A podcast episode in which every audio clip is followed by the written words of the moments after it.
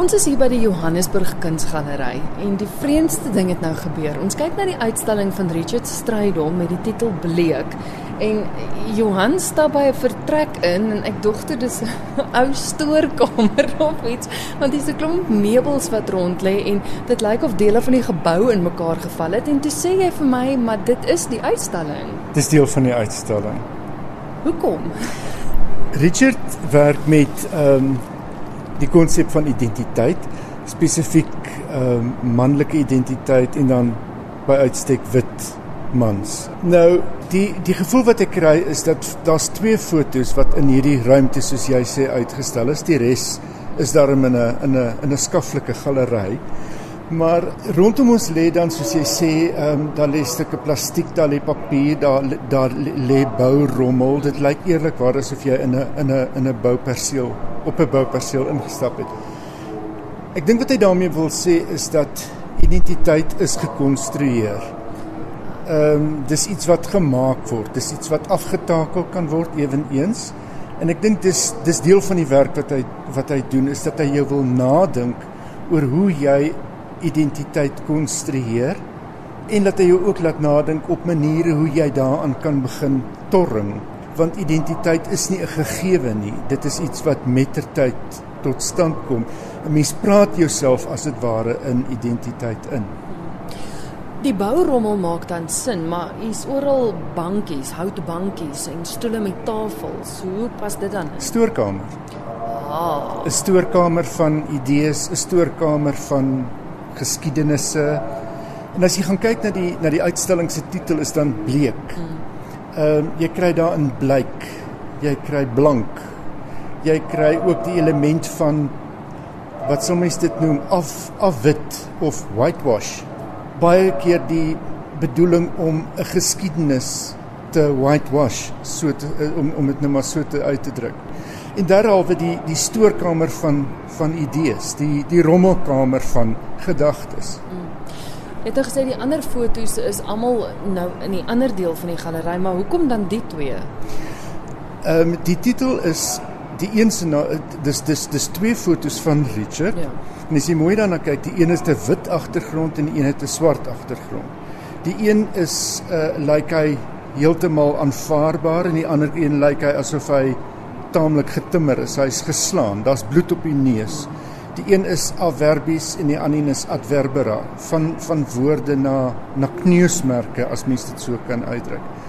Sy fotos werk op die vlak van as ek sê hy werk met identiteit, is sy fotos niks anders as idee fotos. Ja. Ehm um, dis jy jy jy kyk of die figure of dit hy is en of dit 'n model is, kyk gewoon reguit in die kamera Nou die gedagte met 'n identiteitsfoto is dat die identiteit moet deurkom op die foto. Maar as mens mooi kyk, as jy identiteitsfoto's langs mekaar sit, dan lyk almal dieselfde. So 'n identiteitsfoto stroop as dit ware identiteit.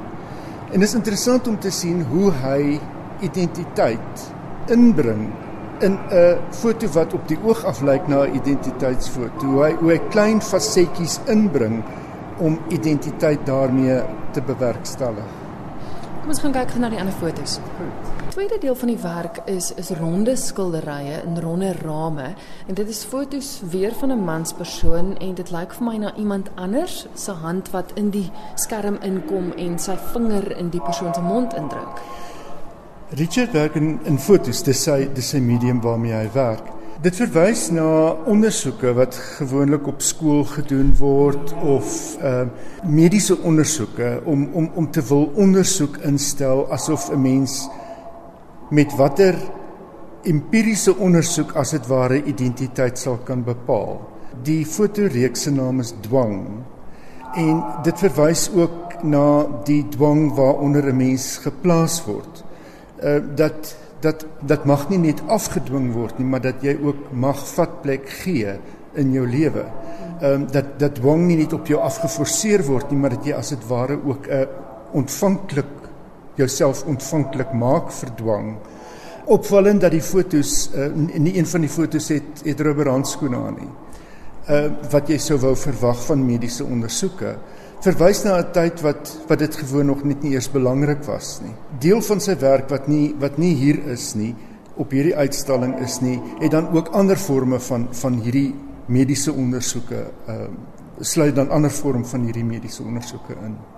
En dan 'n derde deel ook nog 'n reeks is weer 'n mans persoon met vingers wat in die vorm van 'n geweer is met ja, die, sy loop. die middelvinger en die wysvinger en die duim wat mm. dan wat dan as dit ware vuurwapen word.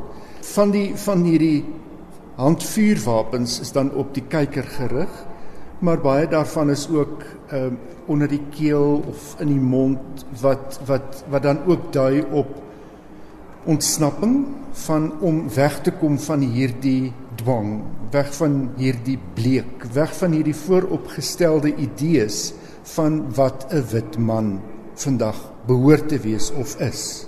Dit is vir my opvallend hoe ontsettend baie kunstenaars identiteit as tema in hulle kunswerke inbring. Ek weet op een stadium by een van die groot kompetisies het omtrent almal op identiteit gefokus. Hoekom? As 'n mens sê kunstenaars fokus op identiteit, dan veronderstel mense dat daar iewers 'n identiteitskrisis is waarop hulle reageer. Dit kan wees dat en jy's heeltemal reg, uh wie is ek? Waar pas ek in? Dis die dis die tipe vrae wat wat mense deesdae vra en dis wat kunstenaars vra as 'n as 'n spieël van ons samelewing. En jy's heeltemal reg. Ehm uh, Richard se se werk is afgestem op hierdie wie is ek as as wit man.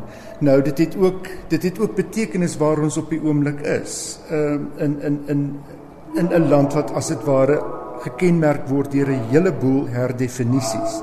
Moet 'n mens opnuut na jouself gaan kyk en besluit maar wie is ek en en waar pas ek in?